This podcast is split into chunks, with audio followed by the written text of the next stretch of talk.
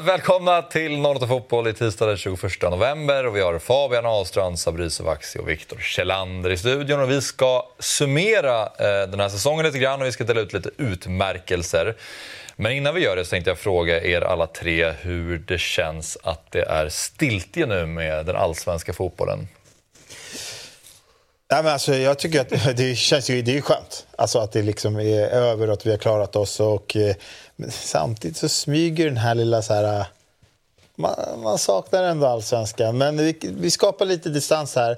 Som aik är man ju jävligt taggad, inte för så här, äh, själva fotbollen, utan vad ska hända i det här fönstret. Man är ju supertaggad, man sitter så här, oh, vad ska komma in, vad ska ut och så här.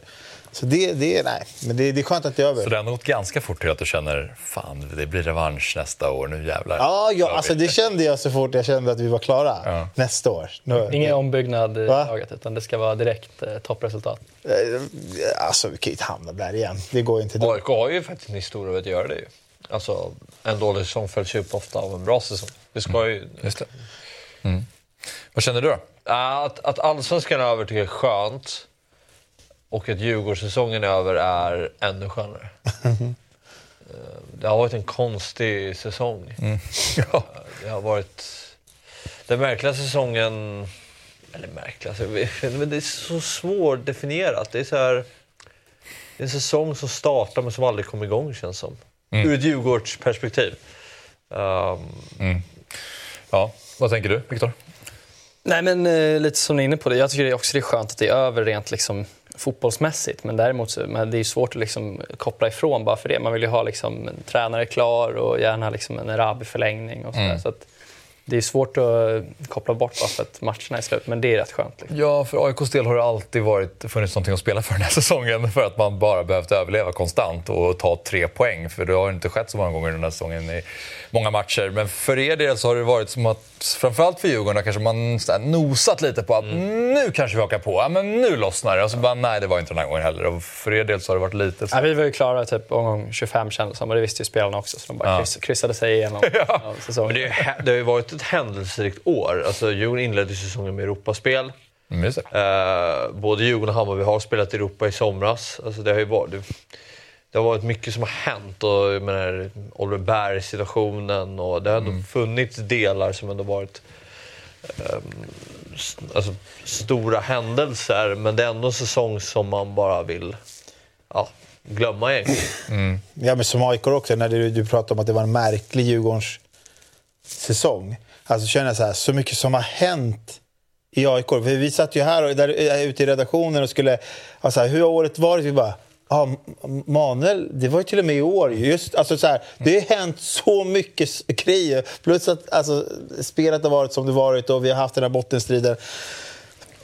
Alltså, det, det är klart att man, nu när man tänker efter så här, Åh gud vad skönt att det är över. Mm. Och så säger men man vill, det är samma sak som så här, en boxare som eh, tränar tre, fyra månader, sex månader inför en fight så blir han knockad. Mm. Det första han tänker är så här, jag måste in i gymmet, jag måste ta revansch.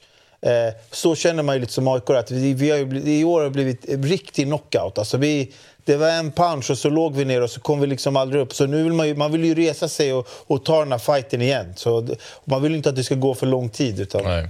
Jag känner stor eh, revansch. Ja ja, för vi ska alltså dela ut lite utmärkelser idag. Vi ska gå igenom årets tifo årets flopp, årets överraskning och årets MVP. Och dessutom ska vi ta och titta på årets 0811. Eh, två stycken, dels en som redaktionen har tagit fram och en som är baserad på eh, de 0811 som har varit under året. Och så har vi dessutom årets bonnjävel. Då har vi plockat fram tre stycken, en från varje lag här. Och så ska vi se vilken som är, vilket lag som egentligen har varit bonnigast under året.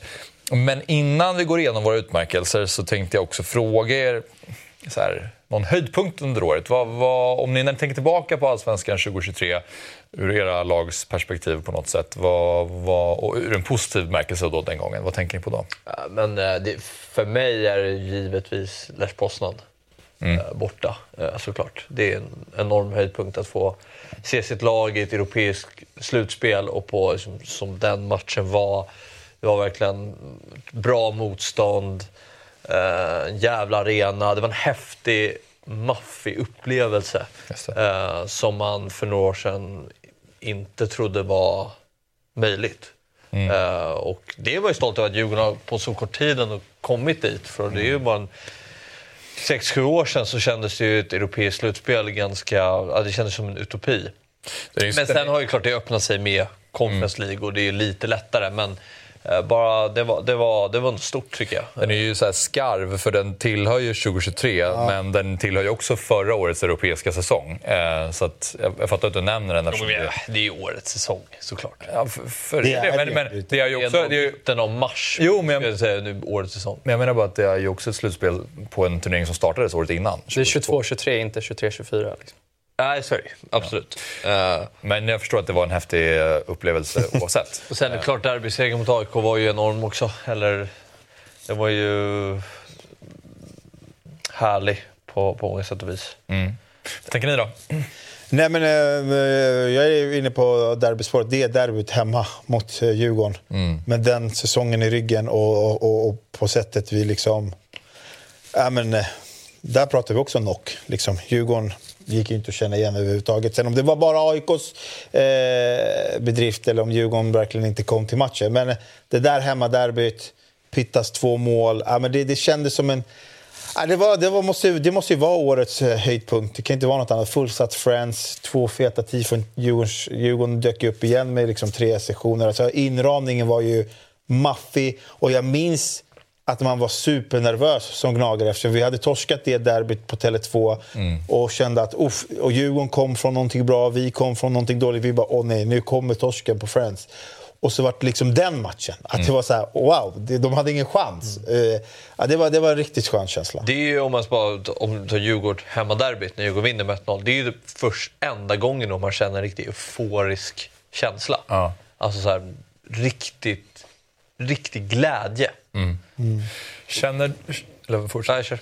Nej, men känner du att det här eh, Mange mjukglass, eller den här derbymentaliteten som man har förknippat Djurgården med, känner du att den är kvitt nu för att ni vann den här matchen eller känner du att den hänger kvar? För att sen blev det ju några, match, några derbyn senare under säsongen som ni inte går och vinner. Här, mot AIK på Friends såklart en platsmatch och sen hade vi ju en, en poäng i två derbyn mot Ja. Bayern. Det där är så svårt för jag tycker ju... eh, Första derbyt mot Hammarby är en av de märkligaste matcherna man nästan har sett Ja. på flera år. Det är ju två dåliga lag som möter varandra och det slutar 4-3 till Hammarby. Det hade kunnat sluta 4-3 till Djurgården, det hade kunnat sluta 0-0 den matchen. Eh, men... eh, För det kändes ju efter det derbyt som när man tryckte upp de här Mange mjukglasströjan och bara så här, nu är det kvitt, så äntligen vann vi det här, ha, nu kan man skämta om det, nu, tar vi, nu liksom gör vi en grej av det själva. Men sen så känns det, som- upplever jag att det nästan har återkommit ganska snabbt. ja. Bortaderbyt på Friends var väl ett av de värsta exemplen på det. Liksom. Ja, men det derbyt är ju, det är ju häpnadsväckande med tanke på att det är många derbyn tidigare när Djurgården mött AIK som man har känt så här, ja, men det är... Det är bara märkligt att AIK vinner den här matchen. Uh, Djurgården är ju bättre över 90 minuter. Men det är någon ehm, straffsituation, det är en fast situation som avgör. Och sen är AIK väldigt skickliga på att stänga ner. Men Djurgården spelmässigt gör bra matcher. Men Man, man lyckas inte vinna derbyna.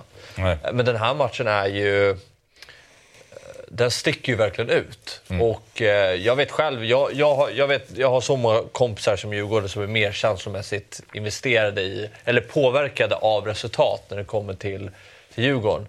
Eh, men, de, det är så här, men den matchen är ju svår att reparera. Den insatsen Ja. är svår att reparera. Det, är- det är svårt att hämta sig från den, för den är så... Men om man, om man vänder på perspektivet så tror jag inte det var många AIK... Alltså man, var, ju- man var ju frustrerad över förlusten, men vi kom ju liksom åtta matcher utan seger när vi skulle kliva in på Tele2 mot Djurgården. Och vi startade en match där det var liksom... Det, det var kanske den sämsta derbyelvan vi har sett på väldigt länge.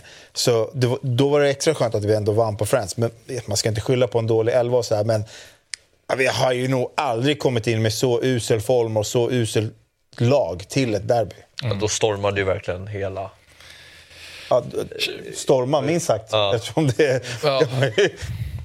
Känns det inte som att ni skulle behöva en riktigt, antingen ett riktigt bra år där ni vinner massa derbyn, eller att ni bara åker till Friends och vinner med 4-0. Alltså någonting där Ja, ni bara sätter ner foten och här, nu är det här borta. Ur, liksom. För att det är så här, där, där pandemiderbyt på Friends när det inte var några åskådare med, det var Vittris frispark va? Det är, ju så här, ja, det är klart att det är en seger, Ja. men det är också inför inga åskådare. Och så, så har man det här derbyt när AIK är i fullständig kris i våras på, på Tele2, det är på hemmaplan. Jag upplever att vi kanske inte har gjort så mycket som man hade hoppats då, den, de tre poängen. Eh, Den nu, Den senaste alltså, ja. eh, på Friends. Nej, eran senaste seger mot AIK. Alltså för att jag pratar om att bryta... Ja, den var ju fantastisk på alla sätt och vis. Den var den ultimata derbysegern. Ja, okej, ja. Eller du trodde inte det? Eller trodde den inte Nej, jag- var det för Djurgårds perspektiv? Jag, nej, men jag upplever bara att man kanske inte känner att man 100% har brutit sig loss från den här derbyförbannelsen. AIK är dåliga? Eller? Nej, men ja, ja, dels, att det dels för att det på hemmaplan, dels för att ja, att det är ett uselt AIK. Jag, det är bara min uppfattning efter allting som har hänt under den här säsongen och att de här efterföljande derbyna också spelar roll. Men du kanske inte känner så? Var- det Nej, var men min jag, fråga. jag tycker just att så här, eh, hemma där, Ha- Hammarby har ju Djurgården haft bättre, även fast det är fortfarande dåligt. Men ja, Djurgården har haft lättare att besegra Hammarby. Mm. Men den, den derbymatchen i höstas mot Hammarby är ju det är en ganska okej insats. Där är Djurgården bättre än Hammarby. Eh, matchen mot AIK är ju bara... Den är så oförklarligt usel. Det är så svårt att bara väga in...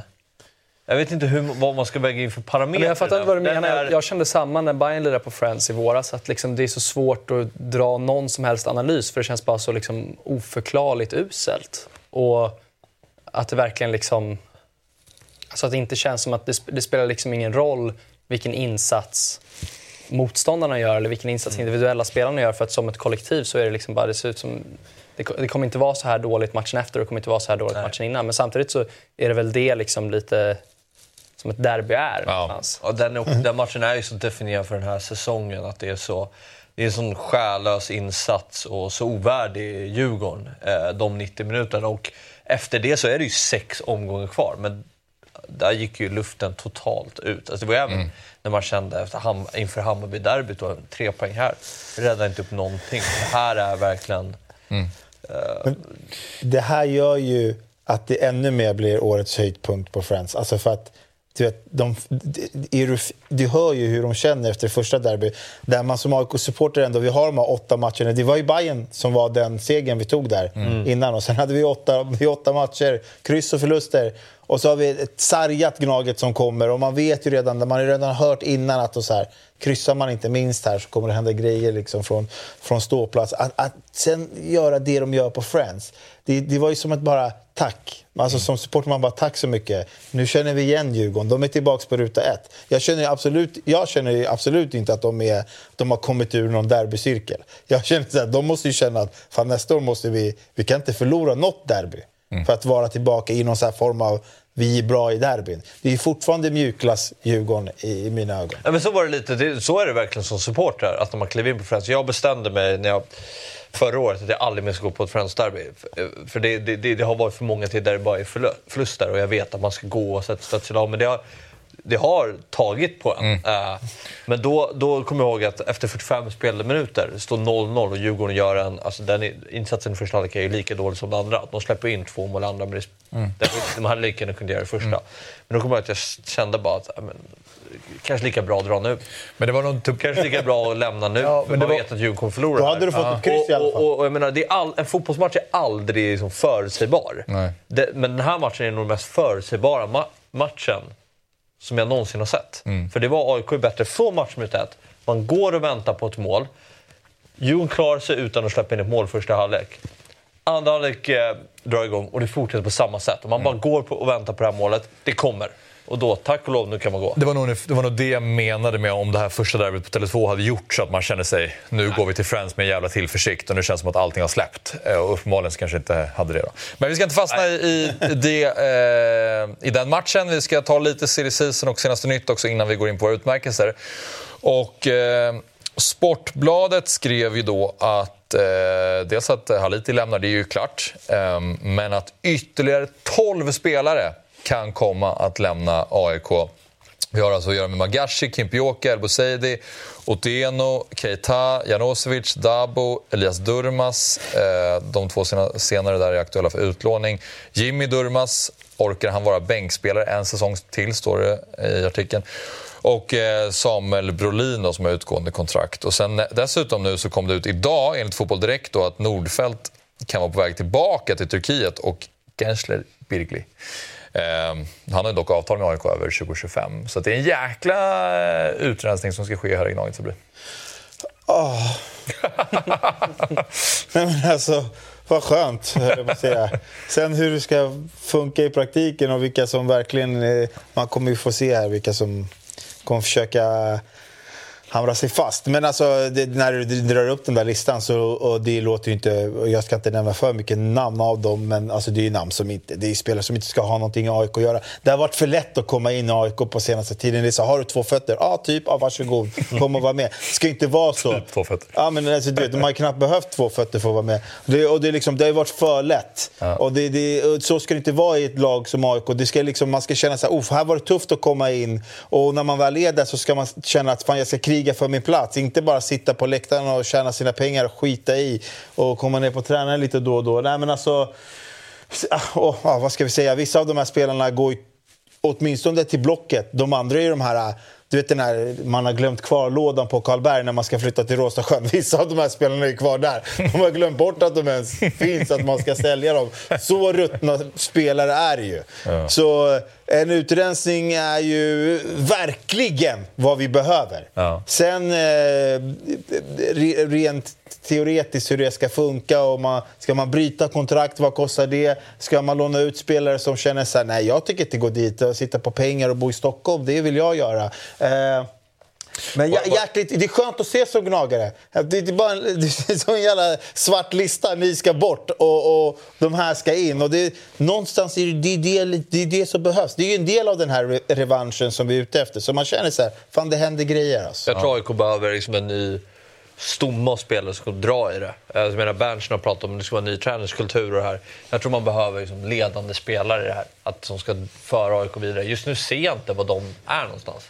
Eh, för att det ska... Så det är väl lite det de har gjort med Saletros och Pittas. Ja, kan, ja. Och Tideman Hansen och Jag tycker håller inte riktigt med dig där. Jag tycker att det har förändrats ganska mycket bara här på sen Bantchek kom in. Han har ju tagit in han, han är ju väldigt tydlig med att han vill ha spelare som är på träningarna, som är med på varje träning, som krigar varje träning. Alltså tar vi Manuels värvningar, de var ju knappt med på träningen. De satt ju på en cykel och klagade. Sen kom de två dagar innan matchen och bara “jag är frisk”. Klart Brännan hade huvudvärk. De hade ju avtalat att de inte behövde träna. Ja, du! Inte nog med att man kan komma in i AIK lätt, man kan ha ett avtal att man inte behöver träna. Nej, men så, det, det, sen är det vissa spelare som är för dåliga rent eh, kvalitetsmässigt. Och det, Berg, klart. Berg var ju också varit inne på det, Henning Berg, då, att liksom, det är för många. Det är för mycket spelare på den här träningen. Eh, på de här träningarna. Så man, man kan ju inte gå och bli något Chelsea light heller, som behöver träna på två planer. typ. Så det är en utrensning, ja. Och sen ta in det spelare som kvalitet, kvalitetsmässigt håller. Stommen kan man ha kvar.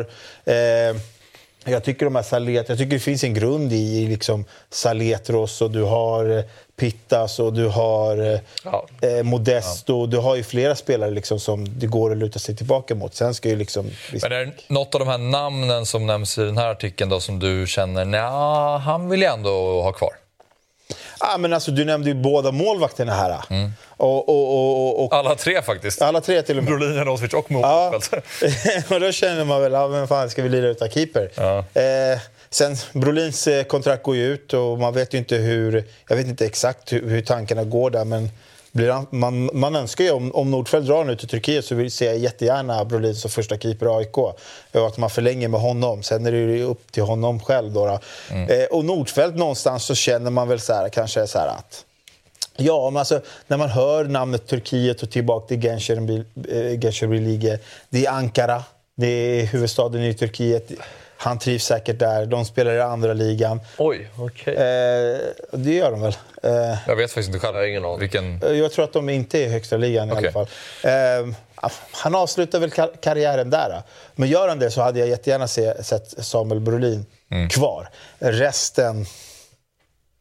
Det är väl det som är alternativet också. Annars drar han ju. Han kommer inte vilja sitta som andra keeper en Nej, men det, det ska han ju inte göra. Det tycker jag han inte förtjänar. Jag vill inte se... Det är klart att man... Uh, fan, det är Sveriges bästa andra keeper i så fall. Men jag vill ju se han spela. Jag vill se han som första keeper. Annars så för hans skull så hitta en ny klubb. Men det, är- det är de som sticker ut. Resten så nej. Ja, Inget vi har tre stycken. Det, händer, det, är, det är mycket som händer i AIK eh, just nu, upplever man utifrån. Och eh, AIK har dessutom då erbjudit Ramon Pascal Lundqvist ett kontrakt då, enligt uppgifter. Och det här är alltså en spelare som är 26 år gammal, spelar i Sarpsborg idag och därför så känns det som att det kan vara trovärdigt med tanke på att det var Berntsen som tog honom till Sarpsborg. Och, är det han som har varit i Panathinaikos också? Exakt. Ah, och eh, var framförallt i Groningen då i Holland 2019 till 2023. Fram till, eh, fram till eh, Sarpsborg. Vad tänker du? Nej, men intressant. Eh, jag, jag, jag, är inte riktigt insatt på... Det kanske någon av er har mer koll på hans spetskvaliteter, vad de är. Men... Eh, Bra namn. Bra namn. Det är ett namn som har hängt med länge. Ja, alltså jag hade liksom lite... Någonstans i periferin har hållit koll på, men nej, som fotbollsspelare så kan jag inte så mycket om Nej, inte, inte jag riktigt heller. så. Det är klart att jag skulle kunna googla mig fram och mm. sitta här och bara låtsas som att jag kunde. Men jag har inte jätte, jätte, jättekoll på liksom hans spetskvalitet med liksom Groningen. Jag vet att han var i Panathinaikos och där var han ju inte så här, det var inte så att han inte var omtyckt där. Utan Nej. kanske inte fick jättemycket speltid, men... Eh, Lite yngre så... än vad man hade trott, eller? 26 år, det är ändå liksom... Ja. Jag tycker det är en Samtidigt är det ju... Bra ålder. Ja, det jag tänkte komma till. Samtidigt är det ju ytterligare en sån här spelare som är den här mellanåldern då. Och det, vad, vad, tänker du om det? För att... Jag tänker ju också att det, det, det är den här åldern, han är ju en sån här ålder där han, så här, han har redan varit utomlands. Mm. Han vänder tillbaka till Norden för att liksom inte, inte göra någon så här, ah, nu är jag klar med min utlandsgrej, nu ska jag komma och sitta på arslet. Den här killen tror jag är ganska hungrig på att komma ut igen. Mm. Och då ser jag att AIK är en klubb där man kan prestera bra i en säsong eller en och en halv och komma ut igen. Mm. Eh, och han har den åldern inne, så det känns som att han är på, du vet när man är på den här gränsen där man är mellan hungrig och mätt. Och den här killen är ju fortfarande ganska, han är i en ålder där han borde fortfarande vara hungrig. Komma göra en säsong, två säsonger bra i Allsvenskan och dra vidare. Så det är ganska perfekt. Hade han varit 32-33 då hade jag ju bara satt kepsen framför ansiktet. Det är ju mer bara så här, jag upplever att Thomas Berntsens värvningar än så länge har varit typ så. Du har eh, Besirovic och Pittas och Tyckosen och Timon Hansen. Det är spelare som är det är inte de som man säljer vidare för jättedyra pengar. Vissa av dem är lån dessutom, Selina också. Mm. Um, så att man undrar ju när de här värvningarna börjar komma som kanske är de, de yngre spelarna som man ser som alltså Djukanovic-typen. Mm. Um, sen kanske AIK snarare vill gå och hämta dem från de egna leden, för det finns ju unga spelare i truppen just nu också såklart. Ja, det har vi. Och det, det har väl Taha Jari som kanske är en, en av dem. Eh, men jag gillar ju det faktum att vi tar upp lite yngre spelare nerifrån, men då måste, ha, då måste vi också få en sån struktur där de också får spela och få chansen. Mm. Som vi har ju Kusi Asare som han har förlängt med. Mm. Det är också en fingervisning på liksom så här, han kan ju inte sitta och vara tredje, fjärde forward. Om John Guidetti kommer tillbaka via Pitta som kommer vara given. Killen ska ju spela, för han ska ju säljas. Det tänket måste man ju också ha. Mm. Eh, och, och, och, tar man, och ska han, av de här sex spelarna han tar in, är alla som du säger 25-26 då ska ju Kusiasar och Tajari vara startspelare. Mm. Men de måste ju säljas. Och så finns det ju Abdi Akinali och Collins Tichenio som är Collins ung också. Ja, men det finns ju. Omar Faraj är fortfarande ganska ung, så det finns väl en del där också. Men än så länge så pumpar han jag hör vad du säger, etablerade spelarna. Man vill ha någon... Man vill ju ha någon ung lirare som man inte har riktigt koll på. Som, bara... som kliver in och spottar in tio mål i ah. Som, som din favoritspelare. Mm. Men han blev ju ändå inte årets unga spelare. Poddtips från Podplay. I fallen jag aldrig glömmer djupdyker Hasse Aro i arbetet bakom några av Sveriges mest uppseendeväckande brottsutredningar går vi in med hemlig telefonavlyssning och, och då upplever vi att vi får en total förändring av hans beteende. Vad är det som händer nu? Vem är det som läcker? Och så säger han att jag är kriminell, jag har varit kriminell i hela mitt liv men att mörda ett barn, där går min gräns. Nya säsongen av Fallen jag aldrig glömmer på Podplay. Men mycket AIK nu, men lite Djurgården. Eh, du eh, har inte varit med om senaste avsnittet. Vi har haft Marcus Wilberg här då, eh, när vi pratat om Kim och Tolles framtid. Vad tänker du om deras framtid, om de nu skulle gå till exempel Rosenborg? Vad, vad skulle du känna som Djurgårdssupporter? Ja, att det är tudelat såklart, men... Man är väl lite blandad där. Alltså, det är ju en dålig säsong, men Djurgården slutar ändå fyra. Man har inte slutat sämre än fyra än en säsong under Kim och Tolle. Vilket är ju en hyfsat hög lägstanivå får man ju lov att säga. Men det är ju spelmässigt, de säsongen i år har inte varit bra. Uh, man har inte alls lyckats fått fart på det. Det känns som man har gått på ånger i hela säsongen mer eller mindre. Och jag tror att det behövs... Om de ska vara kvar så tror jag att man måste, måste hända ganska mycket i truppen. Då tror jag att de kan få bra effekt på det. Lite som, nu står ju Djurgården lite som de gjorde med 2020-2021 när de fick bygga om. Och då fick ju de direkt fart på det eh, 2021, trots att det kom väldigt många nya spelare. Eh, men jag tror de måste eh, kanske... mm, spelet behöver utvecklas. Eh, I år har det gått långsamt. eh, men ändå försöka vara det Djurgården var förra året. Så jag tror man måste... De, det är så många aspekter i det. Eh, jag tycker att de är fortfarande absolut tillräckligt bra. Jag tycker inte de ska sparkas. Sen om de får landslaget eh, eller får ett erbjudande utomlands som de är sugna på att ta, ja, men då är det en ganska så här, lite som Marti och Bayern, det är en ganska bra exit. Där båda kan känna att ja, men vi, vi, vi lämnar varandra med, som goda vänner, men nu är det dags för något nytt. Eh, men jag tror om de står kvar så tror jag nog att man behöver, eh, det behöver hända mycket i truppen. Vilket jag tror också kommer hända. Om du hade fått välja, då hade du ändå velat ha kvar dem. Eh, ja, men jag tycker, exakt, för jag tycker det måste hända mycket i truppen. Ja. Eh, det är många spelare som, måste, precis. som ska lämna. Alltså, och det, det, det behövs för att... Uh, jag tycker det är för få spelare som har levererat tillräckligt hög nivå för att spela i, i Djurgården. Eh, och eh, då, då, då gäller det att hitta nya spelare som kan komma in. också en sämre nivå från förra året. Ja, ja. Nej, men gud, ja. Spelare som var väldigt bra i Djurgården förra året. Som Kim och Tolle kanske gick in i säsongen och tänkte att de här kan vi ändå förlita oss på. Och så kan vi koncentrera oss på att få in Oliver Berg, Falenius, alltså eh, Moros Gracia eller, eller liknande spelare. Och det är det här, de ska vi fo- fokusera på att utveckla in i vårt spelsystem. För att vi har ett fungerande system. Sen visade det sig att den här stommen av Mange, Wikheim, Masoro och Edvardsen, de svek ju. Alltså de, de var ju inte, de var inte lika bra som förra året. Då, då, då kanske det var så här, uff, nu måste vi... Fan, nu är vi på helt ruta ett igen. Nu har vi spelare som är helt färska in i det. Och så ska vi liksom få de äldre spelarna, eller de spelare som var med förra året, att komma in i det. Eh, sen så tror jag på din melodi. Alltså, jag tror inte att Djurgården ska sparka dem, för gräset är fan inte grönare på andra sidan. Vi har haft eh, 82 tränare vi, på ett år känns det som. Så vi, man vet ju, alltså, jag hade aldrig sparkat Kim och Tolle. Men om de får ett erbjudande, mer cash, testa något. Så det är snarare att Bosse måste leverera för din del? Alltså, men du vill ha Ja, jag, jag, jag, tycker, jag, jag tycker inte att han har gjort något så här... Jag tycker inte att det är ett jättedåligt sportchefsarbete i år. Jag tycker inte det. Eh, Jag tycker snarare att, eh, lite som Sabri är inne på, det, är- det är så himla lätt att, att det handlar om, handlade om Oliver Berg, att, han in, att de inte lyckades hitta, roll, hitta en roll åt honom och att han inte levererade. Men de spelarna som var här förra året, vad var de i år? Det är där jag tyckte det största problemet har legat. För att man- någonstans när det kommer in nya spelare så ska det finnas en trygghet i de spelarna som har varit med tidigare. Mm. Men vår bästa målskytt har gjort fyra mål, är Marcus Danielsson. Alltså det, det, det är ju Har han inte han poängligan? Tror jag det, till kan, det kanske han Han har gjorde. tre- ass också. Det är otroligt ändå. Danielsson, jag tror, att, jag tror att han vann poängligan Sen tycker jag Djurgården har en bra stomme inför nästa år som kan vara ledande nästa år. Vi har Lukas Bergvall, eh, Samuel Dahl, Marcus Danielsson, Oskar Fallenius. Alltså Djurgården har en stomme spelare ledande i, den här, eh, i det här laget till nästa år som är intressant. Är det ung stomme? Ja, men av, det- de, av de fyra du nämner så är det tre som är väldigt unga. Kän- Känslan är att det är den här, de här inne mittfältet, alltså Findell kanske drar, Mange kanske inte har kvar. Då är det Schüller, Sabovic är väl inte heller aktuell. Nej. Så det är väl den där... Det är ju alltid den där trean på mitten som man har känt. Som, alltså man bara, off, Djurgården har en bra trio där. Alltså de är bra.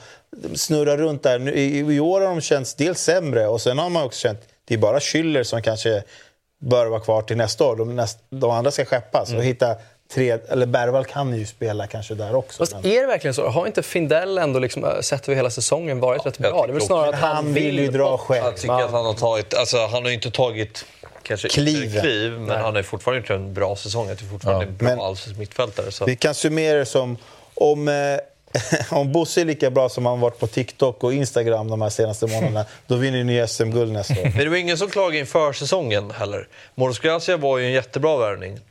Oliver Berg var ju kanske det som var så här, vart ska han spela? Det var ju det som var frågetecknet.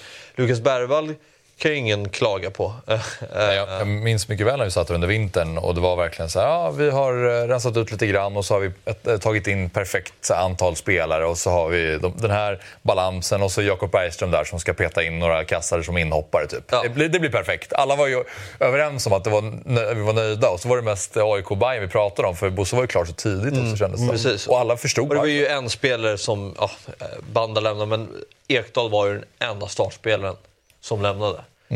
Jag menar, det behövdes ju inte göra så mycket. Det var ju, tanken var ju att spetsa till truppen. Och det lyckades man inte med. Djurgården Nej. blev ju inte bättre i år. Nej. Men jag tycker ju fortfarande att problemet var att de som var här i fjol, som var ledande spelare, har ju inte levererat på den nivån Nej. som man kan... Ja, det var ju problemet.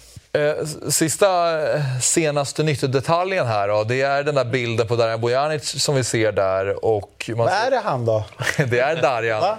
Det är en extremt vältränad. Darjan Bojanic. Satan vad vältränad är, va? Och eh, vi ser också att det är kebab i Sydkorea, det är väl det. 82 kommentarer där och om vi går vidare till nästa bild så ser man att det ser ut ungefär så här på bara- samtliga kommentarer. Vi börjar om igen. Alltså, jag förstår. Men alltså, jag, jag tror aldrig att jag har sett liksom en så liksom, enhällighet i att vilja ha hem eh, en hemvändare. För det brukar alltid vara liksom en sån jävla vattendelare med hemvändare. Att så här, är, det, är det bra eller är det desperat? Eller liksom vad? Men här är det... Alla är så jävla överens. Och, Hur mycket Ja. vill du själv ha honom? Ja, men mycket. Eh, han är väl också en sån som jag känner att om han kommer... Eller så här, jag vill jättegärna ha hem honom om det är snart. Om det är typ nu i vinter. För då är det liksom... Då har han varit borta en säsong. Han är 29 typ, eller? Och liksom... Det har inte hänt så mycket. Eh, så jag tycker inte det blir samma sak som om man tar hem en hemvändare som har varit utomlands i eh, fem år och kommer hem när den är 32. Liksom. Nej. Och så till bänken. Så, nu har väl i och för sig Fan, hänt en hel del, jättemycket. mycket. Ja, det får man ju säga i och för sig. Absolut. Men eh, ja, förhoppningsvis är fötterna kvar. Att de inte har försvunnit med någon fettprocent. Nej, liksom, exakt. att- Nej. Ja, men det, det, kä- känslan är väl lite att... Jag vet inte, alltså, det känns som en liten flört med bilden också. Alltså, jag följer ju Han Bojanic- vet, han vet ju vad som jag, händer när han jag lägger ut det följer ju Bojanic på sociala medier. Det här är typ den enda fotbollsbilden han har lagt ut. Mm. Eh, sen är det väl mycket andra liksom, bilder från liksom, staden och sådär. Men det här är ju så här, kolla hur fitt jag är. Mm. Bara hämta hem mig. Jag saknar Bayern. Men, Hur går det för honom då? Får han lira eller? Nej. Nej. Han har Men väl- Ludvigsson lirar ju. han spelar inte ens. mycket. Nej, men han har väl kört... Jag läste någonting om att han hade lirat ja, men lika många minuter som typ så här fem 90 minuter över hela liksom, säsongen. Kan ha varit tio också, men det är ändå inte mycket. Liksom. Men riktigt, jag tror, jag tror alltså, det man har sett av Bayern i år, det saknas en sån här typ. Och det saknas också, du vet, det, var lite för mycket ledare som försvann från Bayern. Och ska man bygga vidare på Erabi och de här så det saknas någon liten ledartyp. Framförallt är det väl att den som skulle vara ersättaren mer eller mindre var ju Teki. Liksom. Eh, och det blev ju en flopp och han är ju inte kvar längre. Liksom. Så att Nej. det, Kom han till Bayern 2019? Bojanic? Ah, 2018 tror jag. 2018 var det. Och han lämnade för, för den här säsongen. Ja. För mig är han mellan de säsongerna den bästa spelaren i Allsvenskan.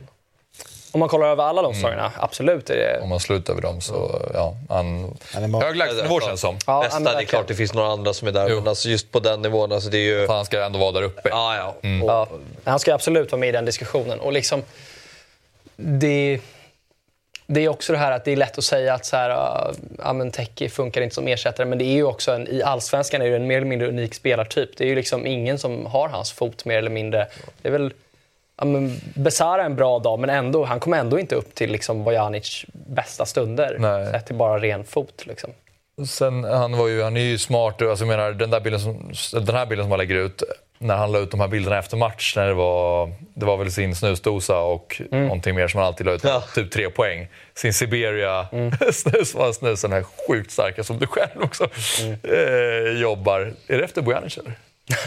så du fick inspirationen? Ja, I och för Bayern- sig, det kan typ ha varit det. Om man tänker i tiden när han kom till Bayern. Ja, exakt. Eventuellt. Nej, men det känns ju så här, det, han, han, det visste ni kanske inte när han kom, men Nej. han, han, han är ju väldigt mycket Hammarby. Ja, otroligt. Och liksom Palmyra, Palmyra efter match. Liksom. Han, jag är, ja, nej, han är underbar. Ja. Men nu till eh, våra utmärkelser och vi börjar med årets tifo. Och då har du Fabian Ahlstrand valt vilket då? För Djurgårdens del alltså. Eh, ja, det stod mellan två. Det var dels eh, Göteborg hemma, den här Stockholms... ja, det här var inte den. Nej, men det här är bara, ja, förlåt. det här är bara, det här är kategorin vi är inne på. Ja, precis. Ja, men, jag tycker ju den mot Göteborg, om ni minns den här Stockholms OH-flaggan, eh, är eh, snyggast. Ja, Jag jag tror jag. Ja, ja. Eh, Men jag tog ändå borta derbyt mot AIK. eh, som... Ja, men det kanske var något lite extra. Det går ju att gå på estetik, men sen finns det också annat i ett tifo som också eh, ger någonting. Och det här var ju mäktigt. Eh, och det blev extremt uppmärksammat i efterhand också. Extremt, ja. Eh, Men ehm, så jag valde det här ändå, även fast jag faktiskt tycker nog att andra är snyggare. Men ehm, det är också svårt, för det är tifot hemma mot Du Göteborg. känner dig Så- tvingad att välja det här? Nej, men det, det är svårt, för att då stod jag på långsidan och såg det. Alltså Göteborg-tifot.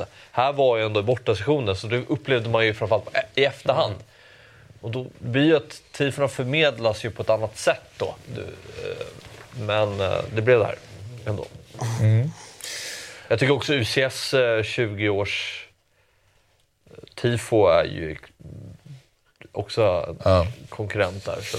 Ja, men det här är ju det som sticker ut från säsongen. Så, alltså, det, finns ju, det har ju varit ett extremt fint eh, tifo-år eh, i hela, Ja, ja, hela, ja, hela verkligen. Sverige. Ja. Och du gjorde ju en, en lista i Fotbollsmorgon där man Ja. också fick se massa Men, vackra tifon. det var svårt. Kom du ihåg surret kring det där när man satt på arenan? Att det, liksom, det där skulle vara King Kong och King Kong dör ju i filmen. Att det, var det, det var det som var mycket surr. Ja, Sen var det inte från någon King Kong-film tydligen och sådär. Men jag kommer ihåg bara, är det där är det King Kong? King Kong dör ju. Har de sett filmen eller? Ja, det var inte några King Kong som gick ut på planen.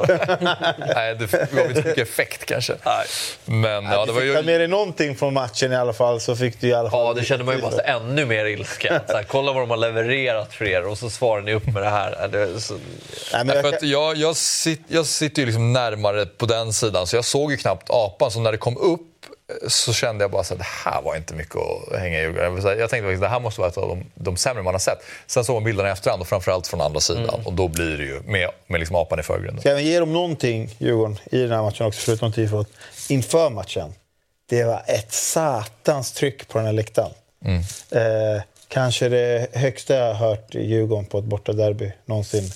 Eh, det var ett jäkla bra tryck innan matchen. Då. Sen eh, levde ju spelarna inte upp till det. Så det, det ska de ha. Det var ett bra tryck innan. AIKs då? Hammarby hemma har du valt, Sabri. Alltså, du vet, jag, för att jag är så här... Jag gillar ju när det är lite kaos. Jag gillar ju kaostifon, det är min grej. Och när det bränns och det är bengaler. Sen... Eh, då, då, ja, men jag landade i den här för att det är också en korre som är en, eh, över nästan ja, halva arenan i alla fall. Och så har vi liksom 1891. Jag tycker det schyssta detaljer i håret och sådär. Eh, sen, eh, sen eh, kan jag ju vara ärlig och säga att jag kände igen Kärna och Stefanelli. Eh, Bernt Ljung och Gurra Sjöberg, det var ju liksom lite, ja, det var ju lite före min tid om man säger så. Men var väl tillräckligt bra keeprar för att få vara med på den här bilden. Eller så är det bara de som har haft nummer ett, typ. Ja, det, det, är, det, är mäktigt, det här är mäktigt faktiskt. Alltså, det är en men, mäktig bild. Jag tycker att den är riktigt fet. De hade lite problem att få ut den här i, i, i, i tid. Men jag tycker... Nej, men jag landar i den här. För jag gillar liksom... Det, det kommer upp någonting liksom, som är bra målat, skissat. Det är feta detaljer. Sen är det det här lite kaoset bakom. Eh, som gör så att det höjer, eh, Ja, just det. det höjer lite mm, nivån för mig. Det blir ju... eh, Tycker jag generellt att Friends blir ju, adderar ju någonting med det tredje etaget och när man kan använda det, oavsett om det är konfetti från tredje eller om det är ark från tredje, att det blir en extra dimension i tifo. Det blir lite mer... Om man gör det bra, för samtidigt Ja. kan jag uppleva att det är svårare också, så fler tifon Om det är några fläckar. kanske typ. känns att de hade varit jävligt mycket bättre på Tele2 ibland om man misslyckas lite med genomförandet. Men absolut. För de är inte så kompakta då. Liksom. Nej, men kan, precis. precis, Nej. Apropå fläckar. Då. Men Bayerns del, då är det Djurgården hemma. Så det är ju ett- tre derbytifon vi har att göra med här. Ja, Och det här Ja. är sans. Den är fet. ja den är otrolig. Jag tycker, alltså, dels är man ju svag för riktigt jävla alltså, stora målningar. Alltså som verkligen, som den här, liksom, när, när det går ut över liksom, långsidorna också. Och sen att man... Ja, men jag tycker man har lyckats så jävla bra med arken. Dels rent estetiskt, att jag tycker att ja, men det är Du menar att tom, tomma här, att ändå ser ut som att det är folk här? Nej, men och, att, och att jag tycker att det är ju inga tomma fläckar. Utan liksom, eh, alla har ändå tagit sitt ansvar även på liksom långsidorna och sådär. Att jag tycker att, ja, nej, jag tycker den är jävligt eh, snygg. Ja, men det här var också tifo man stod på uh, alltså, andra kortsidan. Ja. Och då får man det ju exakt. rätt upp i ansiktet. Ja. Och då känns det... Jag tycker det här tifot verkligen förmedlar att nu är det vi som är hemmalag här. Ja. Eh, ja, men verkligen. Det är- det är också ett tifo som man inte kan göra i ett bortaderby. Och Nej. då blir det också liksom... Det är bra att ta vara på det. på Ja, och exakt. Men det- då, blir det, då blir det att man utnyttjar det. Och då, då, då, Men jag har ju haft den här, vi har ju haft den här diskussionen innan och jag, har ju alltid varit, jag är ju den som hävdar att när man kör feta målningar så gör det inte lika mycket med mig. Jag, det är så här, jag blir inte kanske mer taggad på matchen. Men det här är en sån här målning som är typ så här, uff. Alltså det, den, den, den, säger, den gör ändå någonting mer. För hade jag suttit här på långsidan och varit bara, jag bara nu ska, vi, nu ska vi äta dem. Alltså så jag hade känt så. Sen om det är en så här fet målning på en gammal spelare, det är inte att jag bara, oh, man blir ju inte extra taggad av det. Det är i alla fall min känsla. Sen vet jag hur lång tid det här tar och de gör värsta jobbet. Men den här är faktiskt, jag får ge Bayern den här var, jag hade blivit nojig om jag var djurgårdare på andra sidan. Årets flopp bland eh, de tre eh, Stockholmslagen då. BP är inte med här. Och det är alltså för eh, Djurgårdens del så har du valt ut en spelare och det är vem då? Uh, Gustav Wike. För att uh, inför säsongen så hade, gick han in enligt mig som Djurgårdens bästa spelare. Uh, för jag tyckte att han var en av CSs allra bästa spelare under hösten. Uh, för som, inte minst i Europa. Ehm, och, men i år så, jag vet inte vad han står på för poäng, men han, han har fått så många chanser men inte lyckats hitta någon form av formtopp. Det har funnits, funnits så här, små tillstymmelser till det. Men överlag en eh, jättesvag säsong. Det är en spelare jag eh, tror inte kommer spela i Djurgården nästa år. Alltså, man har nästan glömt att han spelar den här ligan upplever jag. Alltså på den nivån för att han har varit så kall. Ja, men Inte det, om man snackar med Fabbe har man inte Nej, det förstår jag också. Och, men ja. ja, men lite så, det jag sa i början, att här, ja, det är en säsong som startar men aldrig kom igång. Det var ju Ja. lite som för hans del. Det var bara, han gjorde mål i premiären, så tänkte man men det kommer att rulla på så här under hela säsongen och Djurgården kommer vara i topplag. Men så bara, matcherna gick. Wikhem var lika svag varje match. Uh, aj, ty- det, är- det är en jätte, jättedålig dålig insats uh, rakt igenom från, från hans sida. Och uh, åt en av de här spelarna vi pratade om, Stommen i fjol, som inte lyckades leverera. Vi, vi hade ju då en diskussion efter ett program eh, där vi pratade om huruvida han var en av Allsvenskans tio bästa spelare eh, under, precis under försäsongen. Och, eh, du hävdade att han var det och vi andra hävdade att han inte var det. Så la vi ut en omröstning. Men det är bara på- för att ni inte tittade på Europaspel förra året också, så det är svårt att relatera. Oavsett så la vi ut en omröstning och då var det ju många djurgårdare som sa det, var, det är tveklöst. Det är klart han är det. Alltså det, är inte, det finns ingen tvekan att ni ställer den här frågan, era idioter. Ungefär så. Och efter den här säsongen så tror jag inte att kanske lika många känner så. Nej, Men- nej exakt. Hade du kastat in eh, Mange och Edvardsen i den här smeten också? Alltså Edvardsen är, det är ju också flopp, eller? Alltså han säljs ju efter halva, men han gör, ju- det ger ju också en anledning av... Ja, man hade inte lika stora förväntningar på dem som Vi kan inte lira lite ur position då? Wikhem är ju den bästa spelaren av de tre. Ja, ja, jag, mm, nej, jag bara frågar. Ja, nej, alltså det är klart att de var besvikelser. Och, eh, Edvardsen och Asores vårar var ju inte bra alls. Men jag hade inte, man har inte lika höga förväntningar på, eller man, jag har inte lika höga förväntningar på Nej. Edvardsen, Asor och Mange som jag har på Wikhem. Du har valt Jimmy Durmaz. Ja, men alltså snacka om att kunna kasta ner några namn i en skål och dra. Ja. Eh, på tal om flopp i AIK. Alltså, det, var, det här var det, av alla kategorier, det här var den svåraste. Att ta ut en flopp.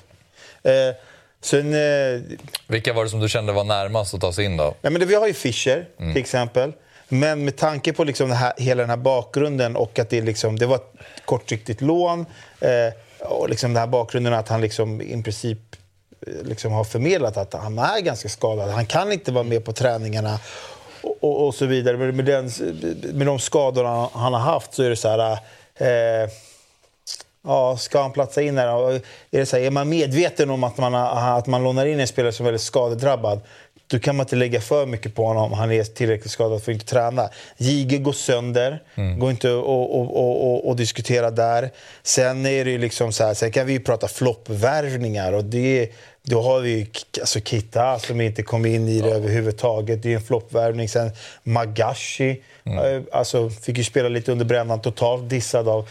Men alltså, man måste ju, man måste ju koka ner så här, äh, olika grejer till när man kommer fram till årets flopp. Och, och Durmas, så här, äh, han har en magisk vänsterfot, han har vissa kvaliteter som är bra. Men förväntningarna när man tog hem en gammal landslagsspelare, han kom från turkiska högsta ligan där han är en startspelare. Det har varit Galatasaray, Karagurmuk och det, de är inte heller ett bottenlag, de är ett mittenlag. Så förväntningarna var i alla fall att ej, men han kan nog komma in med ganska mycket erfarenhet.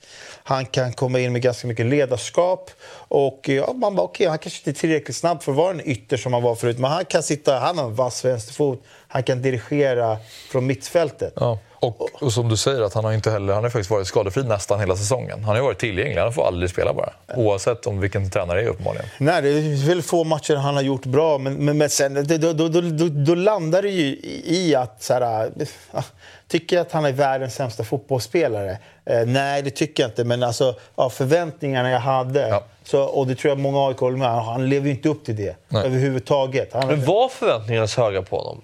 Var inte tongångarna han kom att så här, det här känns... Det här kan... Folk, ingen visste väl riktigt, men det var ju ändå en landslagsmeriterad spelare som kom hem med ganska höga förväntningar skulle jag säga. Mm. Alltså, jag menar, alltså... Sett till vad som hände, det är högre än så här. Eller, ja. liksom. Men uh, han, han gjorde ju den där, en bra match mot Kalmar och då var det som att många supportrar nu är på gång. Och då skadade han ju axeln. Mm. Och då, som var ju borta nästa match här för mig, då var det så här, ah, vad synd att för nu hade man velat få igång honom. Och sen så, ja, alltså man, så såg, man såg faktiskt i, i vissa matcher, såg man, speciellt en Kalmar. Även Kalmar borta. det var ju inte så som alltså, motståndarsupporter man kände, oh nej, här värvar AIK en... Nej. Nej, men alltså... Men jag tänker ändå att man kunde få in liksom en, en ledare var verkligen en sån grej som jag minns när de värvade in honom att så här, ja, men även om han inte är på sin högsta nivå så borde han liksom kunna vara bra att ha i truppen. Och där känns det snarare som att det har varit tvärtom. Mm. Att han liksom bara har tagit energi liksom mm. och mm. tjurat. Liksom. Det, det, det, väger ju också in i det här när man ska dra årets jag, jag, alltså jag har ju en bubblare och det är Dino Besirovic. För det är en spelare som Berntsen värvade som skulle komma in och, och, och, och eh, höja upp spetskvaliteten i AIK. Mm. Det är fortfarande, om du, du kan fråga vilken aik som helst. Vad är Dino Besirovic spetsegenskap? Det är ingen som vet. Han har inte, gjort, han har inte sett han bra i en match. Alltså han löper mycket, men det är också på något sätt en flopp. För han kom verkligen in och skulle styra upp liksom det här. Det här, var vad, det här är vad vi har saknat. Berntsen kom in, var en av hans första värvningar. Dino Besirovic ska vi ha. Han är bra på det här och det här och det här. Mm. Tydligen inte. Eh, så, så, så en mer, mer färsk värvning skulle jag lägga Dino Besirovic. Eh, inför året så har jag drömt. Keita är väl en liten bubblare också.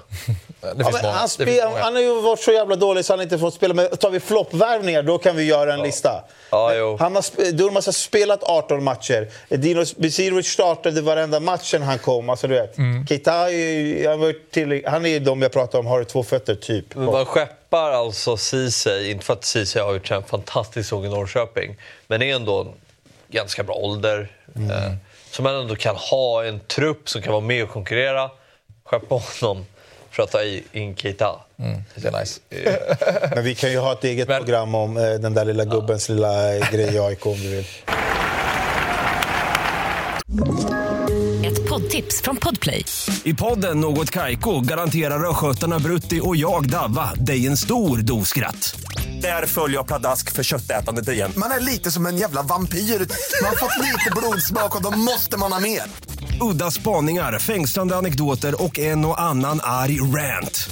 Jag måste ha mitt kaffe på morgonen för annars är jag ingen trevlig människa. Då är du ingen trevlig människa, punkt. Något kajko, hör du på podplay. Därför är Men det var en annan värvning som Hauve gjorde som eh, var väldigt dyr och kom med en del förväntningar också, eller hur Viktor? Ja, det får man väl säga. Jag... Nej, har du valt Mikkelsen? Nej, men alltså, jag, tycker, jag, tycker, bara, jag, tycker bara, jag tycker synd om honom. Alltså. Mm.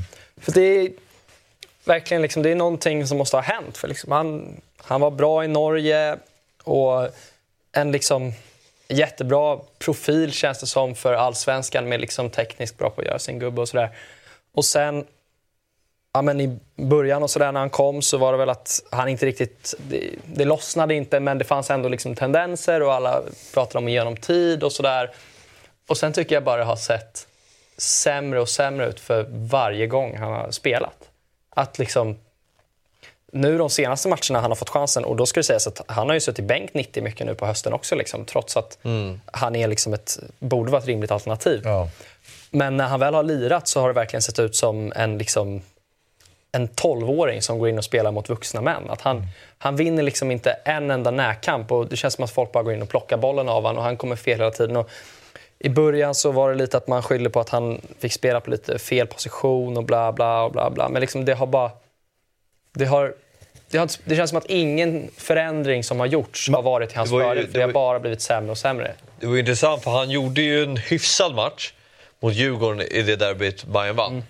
Men det var kanske så här två sekvenser man tänkte, ja men han har någonting. Men det är ju typ den matchen som är... Men, men Ja, menar, alltså, absolut. så här. Eh, Det var en väldigt konstig vår i Bayern också. Jo, och liksom med matcherna där i, i för det var väl typ i maj, derbyt mot Djurgården Ja. också. Och där var det några matcher med Göteborg borta och Degerfors borta där Bayern fick rött och sådär. Liksom. Så det var en del matcher som var konstiga för offensiva spelare just i den längan. Så det var liksom ingen som imponerade så. Och jag tycker ändå att där var ändå många som tänkte på honom som en spelare som, ja absolut, det här är nog lite floppvarning, men ge honom lite tid. Problemet är att jag tycker att det bara har blivit sämre och sämre. Men, alltså jag tror att, eller, eller min upplevelse är liksom, av Mikkelsen är så här, det, självförtroendet blir ju också sämre längs hela vägen. Men han, han, alltså, värvningen är konstigt. Alltså, man, man drar ner på att han är dyr. Han är ju den dyraste värvningen. Jag tycker inte det är en konstig värvning på För, pappret. att- för han spelar ju det på Besaras position. Killen är en second striker, han ska spela centralt. Han trycks ut till Vi spelar vänster. med fler sådana spelare ändå. Det är ju inte så att han, det är inte han och Besara som konkurrerar med varandra. Det är Nej, ju men- lätt. Men han, Ja, det var det han, hans position Efter är ju central. Det känns som så trycks han ut på en kant och så får han spela med tre olika... Alltså hela Bayerns offensiv var ju dålig. Var ju liksom, den var ju inte bra i början av säsongen. Alltså jag skulle lätt kastat in Teki här. Teki är en ersättare till Besara som absolut inte håller... Eller till Bojanic. Mm. Som absolut inte håller nivån. Och blir skeppad efter halva säsongen. Alltså mycket av Bayerns problem Eh, man pratar om de tre, men det var ju, ändå, det var ju bakifrån problemen fanns. Den här trion på mitten, den höll inte. Det var inte Ja, men, bra. men det är lite det jag menar, att även när laget har spelat upp sig så har han liksom inte hängt med. Och det är därför jag ser det som en så stor flopp. Och det tycker jag är jävligt synd, för alltså, det är ju inte något liksom problem i attityd eller något sånt, utan liksom allt man hör är liksom att det är en jättehårt arbetande kille. Och, liksom, verkligen, och man har ju sett, inte i Bayern, men man har ju sett hur bra han kan vara liksom, på någon annanstans. Och, och det är därför det, alltså, jag vet inte om det är Han har startat Nej. många matcher centralt. Det, det är inte Nej, nej, nej, det har jag inte. Absolut inte. Men Ja, vi måste gå vidare. vi Men ehm, det... Ja, han är ditt val i alla fall Ja. när det kommer till Hammarby, även om det fanns fler att välja där också. Då. Men årets överraskning, eh, då pratar vi om en spelare som har gjort bra ifrån sig här. Och då har du valt Samuel Dahl. Mm. Ja, alltså det är ju ingen superöverraskning det är i sig, eh, men, eh, det är det väl. Det är, bara- vadå? det är väl jätteöverraskning? men att han har varit så bra, det kanske är en. Att han var bra och så här, det, Men vadå, han kommer... Han är ju inte, ens, han är inte Elias Anderssons ersättare, han är ju Rami Kaibs ersättare. Som är Elias Anderssons ersättare. Ja. Bara för att täcka upp, för att det visar sig att Kaib- inte var så jävla bra. Vi måste plocka in någon snabbt bara, som, för att alla andra är skadade och ska sluta spela fotboll och så vidare. Och så kommer han in och är typ en av Allsvenskans bästa spelare. Ja, han kom ju från ingenstans. Det var ju en riktig surprise. Jo, men hur många ska vi säga så varje år att vi är överraskade att superettan-spel går in och är bra? Vi kan, ju- det har ju, det har Såg ju sett, på Milleskog att han var inte så jävla nej, men bra. man har ju sett hundra exempel på spelare som är bra. Nej, men det- Eh, jag menar, det- Ludvigsson gick ju och var bäst i serien efter ett Jo. år. Alltså, jag menar, eh, det är inte så att man hela tiden åh han kommer från superettan, hur kan, Mm. hur kan han vara så här bra? Det har man ju sett jättemånga exempel tidigare. Men att han är så äh, dominant som han var Mm. direkt, det kanske man inte direkt hade sett. Jag tycker han är Djurgårdens bästa spelare under... Ja. Nej, det känns som att det är skillnad att hämta någon från Superettan eh, där man ändå har förhoppningar om att det här är en spelare som har gjort mycket mål där eller det här är en spelare som har varit etablerad länge. Nu, nu kan jag inte hela hans historik i Superettan men just att Djurgården värvar honom lite grann bara så här, vi måste plocka in någon snabbt. Vad har vi för... Det var den känslan man fick i alla fall. Ludvigsson hade väl typ vunnit skytteligan i Superettan. Det är ju liksom lite Ja. skillnaden då. Vi, vi plockar Samuel Dahl och sen så bara hoppla, eller hoppla var, Ja, nej, absolut. Uh, nej, men han jättebra... Alltså, jag skulle inte vara förvånad om han... Att Djurgården kan eh, få eh, bra anbud redan i vinter på den här spelaren. Eh, för um, han lär ju komma med i januari-turnén och sådär. Och, eh, Mm. Men nej, han är Ja. given där. Rui Modesto. Ja, alltså här kanske man rycker på ögonbrynen och tänker så här, det här är ju på gränsen till MVP. Eh, Men sanningen är ju att vi har gjort, vi säljer ju, alltså Lustig lägger ju skorna på hyllan och vi har värvat en portugis från finska ligan som ingen har någon koll på riktigt. Eh, Jag tycker att han överraskar på ett sätt att han är så oerhört bra att man säger det här hade man aldrig kunnat föreställa sig. För det var ju också en värvning som gjordes lite innan den här Manuel eran. Det är ju typ, det är en Jurel- Jurelius-värvning då kanske man kan mer eller mindre säga. Men han, har ju, han överraskade väldigt, väldigt mycket på mig. Alltså, dels att han var, så här, han var en av få som höll nivån när resten av laget under våren vek ner sig och var väldigt dålig. Han var en väldigt positiv överraskning. Sen att man, sen att man liksom spelar, man spelar till och med ur honom ur sin position. Man spelar honom som en eh, ytter, fast det inte är hans position. Och han är ju fan vår bästa, alltså han är vår bästa eh, anfallsspelare där också, trots att han är, egentligen är wingback. Så, alltså, jag tror att Modesto överraskade inte bara oss i AIK, jag tror att han överraskade jäkligt många med vilken kvalitet han har. Och det är så, så här, hade inte Saletros kommit in hade jag kanske till och med valt eh, Modesto som någon form av MVP. Han gör ju sex baljor och två assist tror jag. Så, men eh, mina ögon, liksom, du vet, högerbackar, det har vi liksom haft bra under senaste tiden. Vi har Sundgren, vi har Lustig, så kommer Modesto. Man bara, men den finska ligan, om han pratar superettan, så här, man, ja, de borde kunna gå in här, finska ligan, vi har inte mycket bra koll. Man tänker att den är skitdålig egentligen. Men, eh, jävla positiv överraskning Modesto. Om man skulle, ja, nu- just det nu är det Hammarby, men jag tänkte, man, överraskning, det är ju lätt att man så här, tänker att det är positivt. Men man skulle tänka negativ överraskning, vad man har. Ja, men då pratar vi den där skålen. Ska du Vadå? hur han pratar om flopp? Du vill ha Ja, som... Men sen om man förväntades, eller ja, Ja, Men det är typ floppkategorin egentligen. Ja det kanske det är. Någon som har så, hopp, hoppsan vad dålig du var. Ja. Trist. Det finns några stycken. Men i Bayern då? Vem har stuckit ut positivt? Ja, och det här kanske känns alltså, självklart för att han har varit så bra. Men liksom jag, jag såg inte framför mig att han skulle vara så färdig som han var. Och det ska sägas att det var ju inte liksom att nu efter sommaren så blommar han ut, även om det är klart att han blev bättre. Så redan, jag minns framförallt från typ cupderbyt hemma mot Gnaget där han ju var liksom typ bäst på plan. Och jag blev väldigt förvånad över att vad fan, han har ändå varit i truppen och det är klart man har sett att han är stark och sådär men liksom den speeden, det avslutet och sånt där, det tyckte jag verkligen att, ja men det överraskade mig att han var liksom så färdig. Och det är klart att det går att argumentera för att Djukanovic var ännu mer så, men där är det ändå liksom att jag tycker ändå det är något speciellt med att han kommer upp från egna leden så att man ändå haft koll på honom ganska länge. Och att det skulle liksom gå så här fort till att för mig är han den här säsongen en av de i alla fall liksom, ja men topp top 5, topp 7 anfallare i allsvenskan. Och liksom, det såg jag absolut inte. Eh, Landade han på åtta mål eller? Sju. åtta eller Nej, sju. Nej, minst åtta tror jag. Tror åtta jag eller att han nio. Det var så många. Inte nio. Nej, men... Jag, jag, jag, ja. Det var så många då.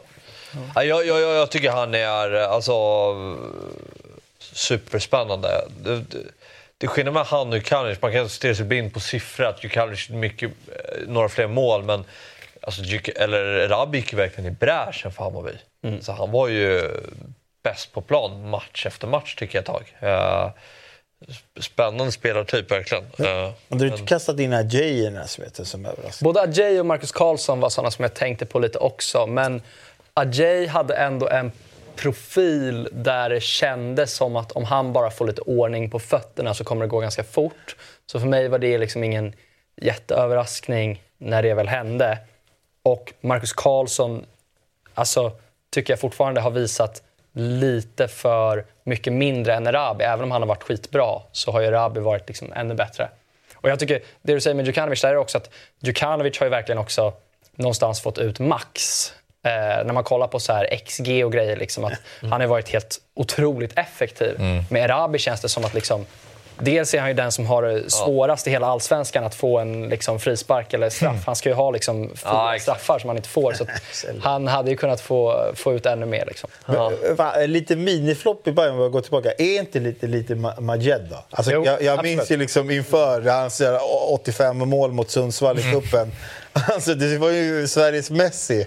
Sen har man liksom inte sett Men han är väl också, han är väl no, vad är han, 05? Jag vet att han är 06? ung, men alltså, du vet det där upphypade snacket. Han var väldigt hypad. Jäklar, det var var ju allt hypad. man pratade om. Eh, och sen har man ju inte sett honom under säsongen. Han skulle ju bara gå in och borra den i bortre varje gång, men det var Djukanovic som gjorde det istället. istället. Ja.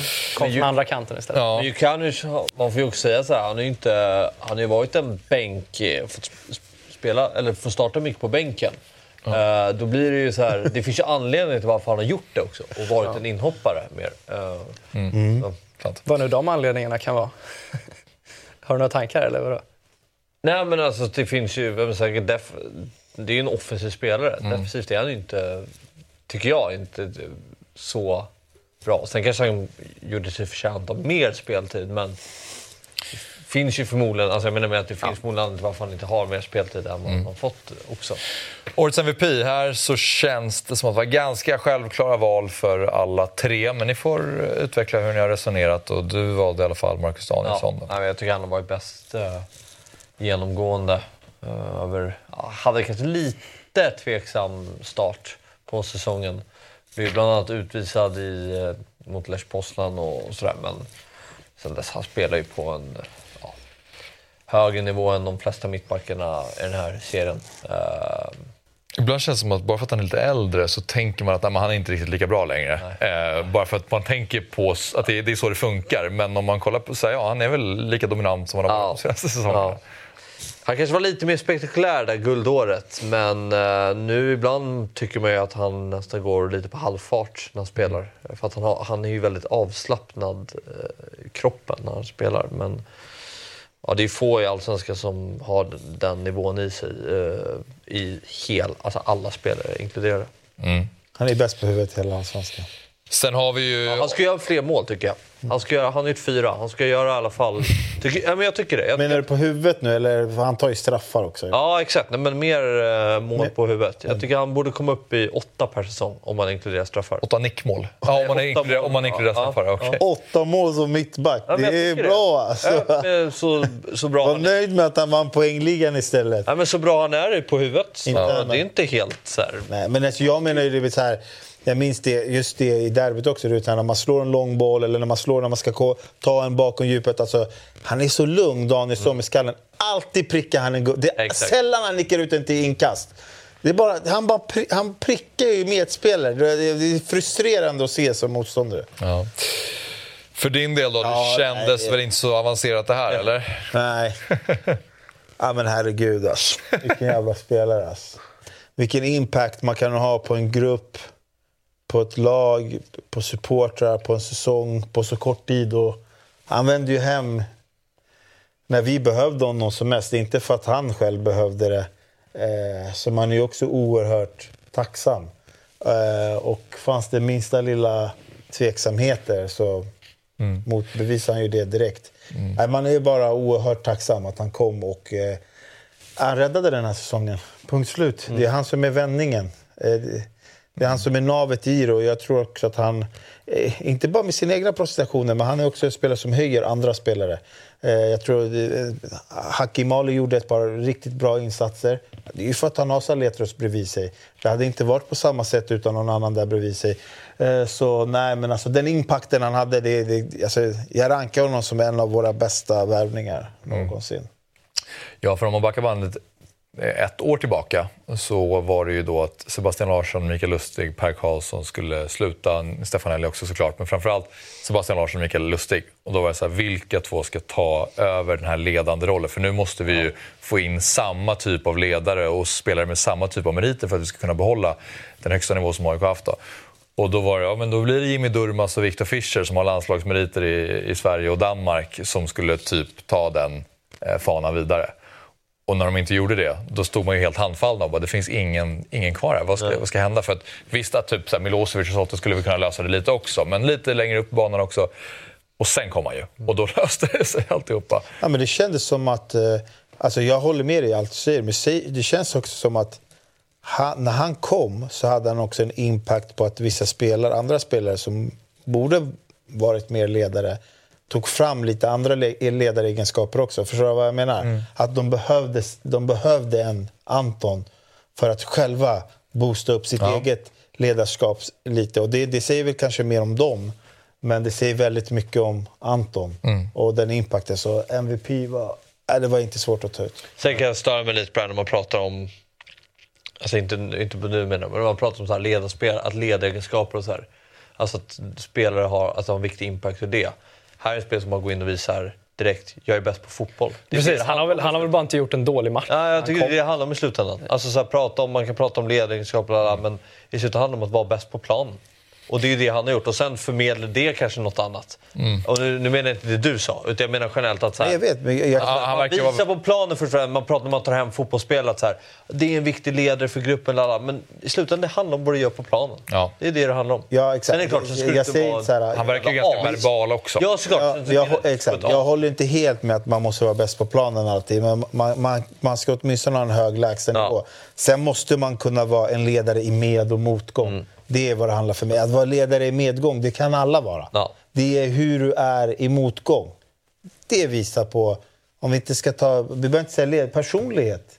Personlighet. Om du ska vara eh, någon, i en grupp där du ska leda gruppen, då måste du kunna vara det också i en motgång. Men, Och eh, för er del då, så var det kanske inte så svårt, eller? Nej.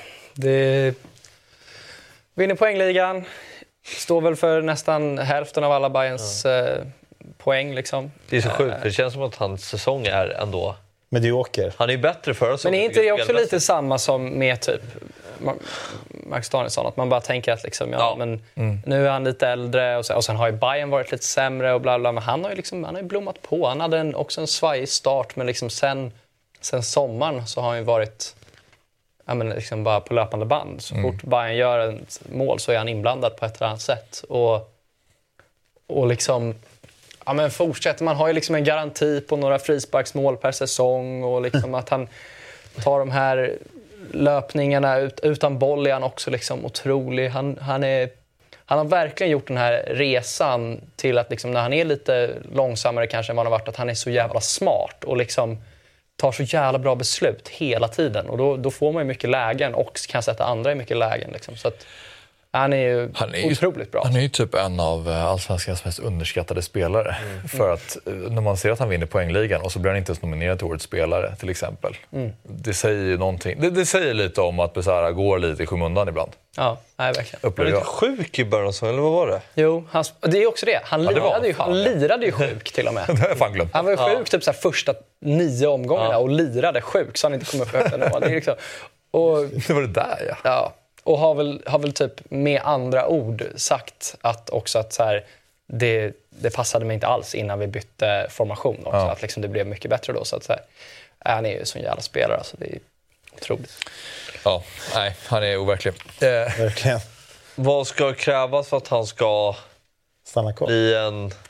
Alltså Kennedy är ju här med Besara. Alltså, Nej, men SM-guld. ja, Då, då tror jag att han inte är långt efter. Om han är liksom den bärande spelaren och tar Bayern till ett SM-guld så tror jag att då är han nog i alla fall uppe i...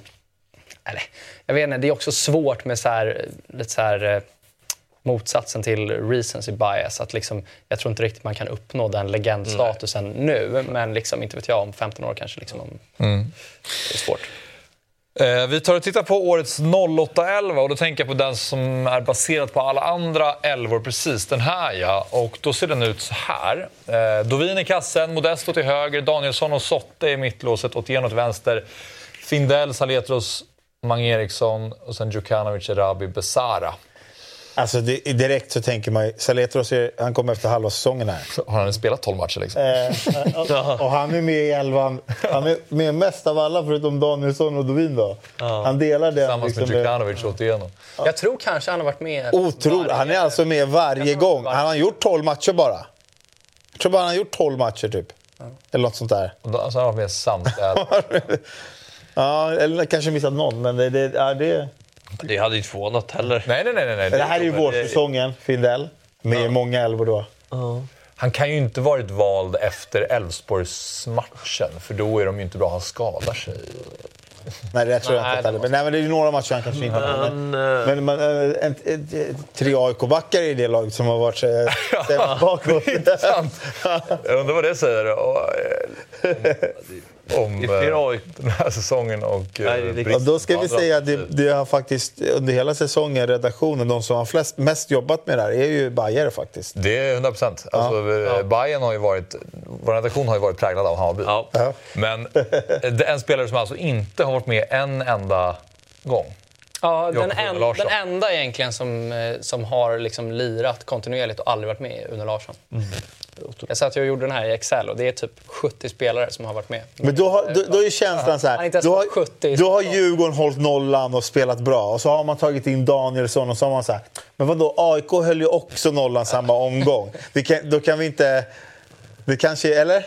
Lite, det är Men jag vet inte, Fabbe, alltså, hur förvånad blir du av det? Att Une Larsson inte har varit med en enda gång i 08 då?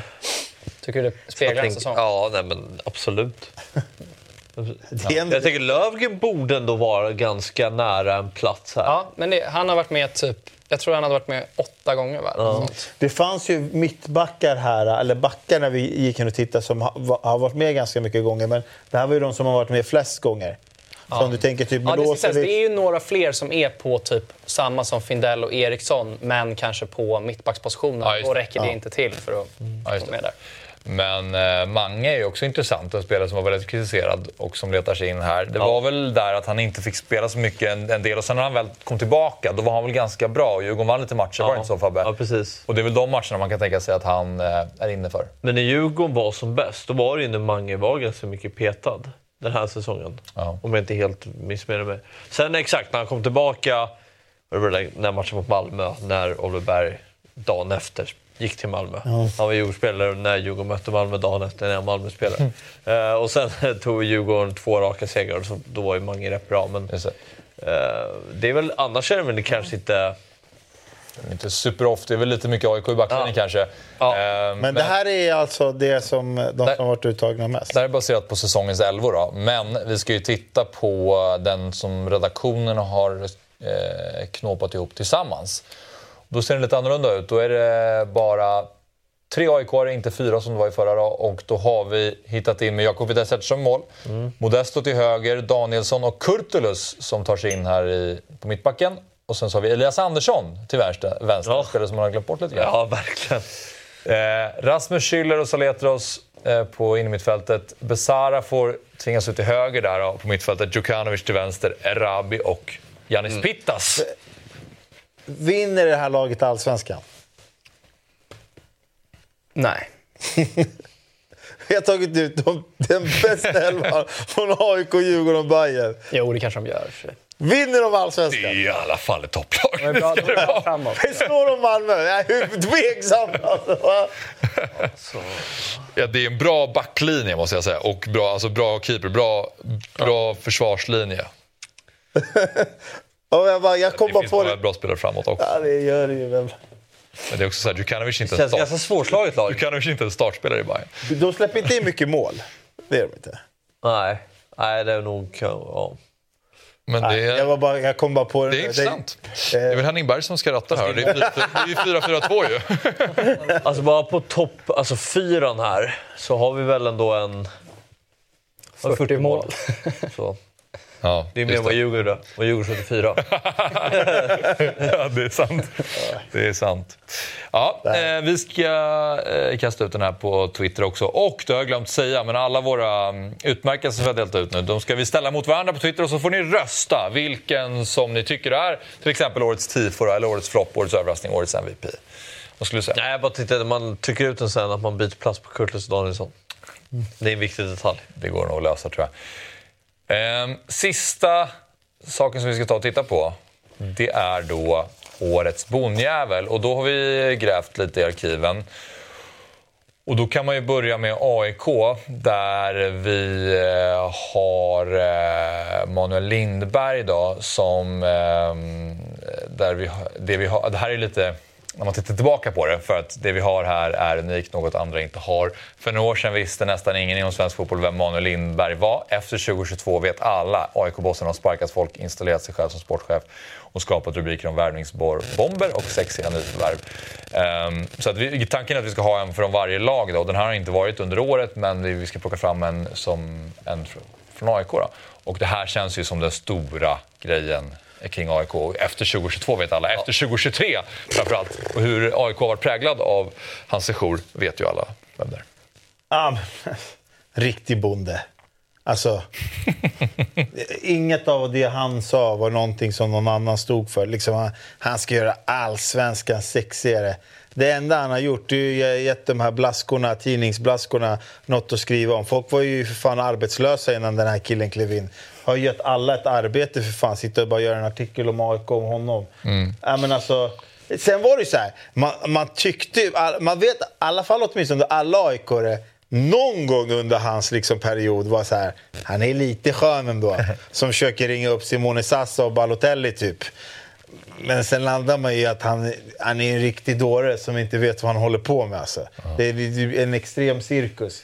Eh, så, så, ja, men det, det, det är alltid såna här, med såna här personer. Du vet, eh, de kan spela mangas lite, men de kan inte göra det hela vägen. Och då blir det ju extrem pannkaka. Sprayburken. Den har delat på. Ja, just det. Den är verkar ny kanske. Ehm, kanske kvar från någon gammal bild. Men Men eh, de här tre, uh, det här var rätt bra värvningar. Det var inte Manuel Lindberg-värvningar. eh, ska vi se, vilka är det vi har där Det är då? Johan Karlsson, Simon? Tern. Eh, Och, eh, Patrik Seidiou, va? Säg Ja, är det Seidio? Är det det? Det kanske det är. vilka är de sexiga nyförvärven då? Ja, det blev ju Viktor Fischer och det var Jimmy Durmaz också. Ja, Han var otroligt sexig. Visst. Det var ju länge i skorna på hyllan. hörnan där. Oh ja, oh ja. Men eh, sen har vi då Hammarby som eh, kränger ett par skor som är från The Working Class Football Club och de kostar 3000 spänn. och det är ju en härlig motsägelse får man säga. Jag tycker Djurgården AIK skulle startat en Swish-kampanj så att Bayern hade haft råd att köpa de här skorna. Ja. Men jag tycker ändå de, de räddade upp det lite eh, sen att de, de hade ändå lite självdistans kring det. Okej. Eh, stolta Bayern Premium och gjorde något, så här, eh, något nysläpp där det var så här arbetarbyxor och grejer. Okej. Eh, så det var ganska kul. Men absolut, det här är ju... Ja, man har ju inte haft örat mot marken, säger man så? Ja, precis. Ehm, Skor för tre lax. sen har vi då Djurgården. Och den här är ju så fin. Ja, men de här är ju värst. Ja, den här är ju... Have you ever heard the tale of the beast? Får jag bara säga en sak innan vi börjar? Manuel Lindberg, han gjorde ändå något, det var one man show. Han hade inte diskuterat det med någon. Det här, de har suttit... det har ändå gått Bosse och grabbarna, det har gått igenom. Hur fan hände det här? här. Det är någon skådis som tyckte det var någon värd. Aldrig sett han innan, aldrig sett han efter. Vi skulle ringt upp han. This is the beast from the Ja, north. så och så sjuk. står det odjuret är tillbaka. Om den här vinner måste vi försöka få med honom på länk. Det hade varit. Ja, det hade varit Det jättekul. här, var, det här var ju innan eh, Poznan hemma, tror jag. Vad står det? Fem, 15 äh, mars. Exakt, min födelsedag. En miljon visningar! Djurgården mötte Poznan 16 mars.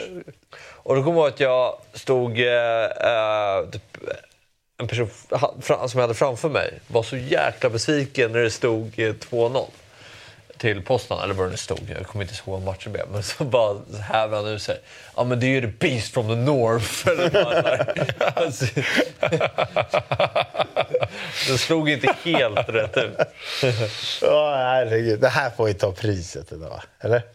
Ja, vi, får, vi, ska, vi ska ju lägga upp det här på Twitter också så får eh, folk helt enkelt gå in och rösta om årets bonjävel. Vem är han? Vi måste ringa. Vi måste reda på Men jag tycker det det är. är ju lite kul ändå. Här var det 1,2. Den hade gått snyggt där. Ja, roligt. Eh, Nästa vecka så ska vi fortsätta summera året som varit. Och eh, det finns ju mer att eh, prata om. Det här var bara en del av de utmärkelser som man kan dela ut. Men eh, de flesta här inne känner att det är skönt att det är över i alla fall. Och man redan börjar blicka mot nästa säsong och är Ja, ja. Givetvis. inför AIK. Den där listan på 12-13 spelare, det kan man hjälpas åt att sälja. Ja, ska vi ta in nya spelare som eh, avslutar sin karriär i, i juni då. Verkligen. Bra! Stort tack för idag. Vi är tillbaka igen nästa vecka.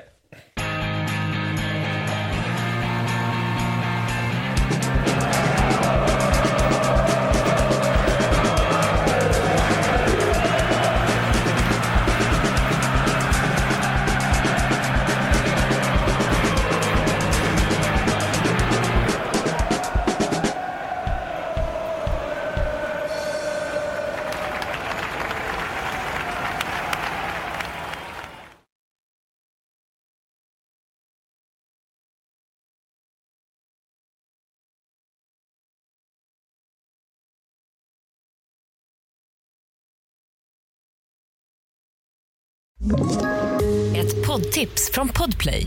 I fallen jag aldrig glömmer djupdyker Hasse Aro i arbetet bakom några av Sveriges mest uppseendeväckande brottsutredningar. Går vi in med hemlig telefonavlyssning och, och då upplever vi att vi får en total förändring av hans beteende. Vad är det som händer nu? Vem är det som läcker? Och så säger han att jag är kriminell, jag har varit kriminell i hela mitt liv men att mörda ett barn, där går min gräns. Nya säsongen av Fallen jag aldrig glömmer på Podplay.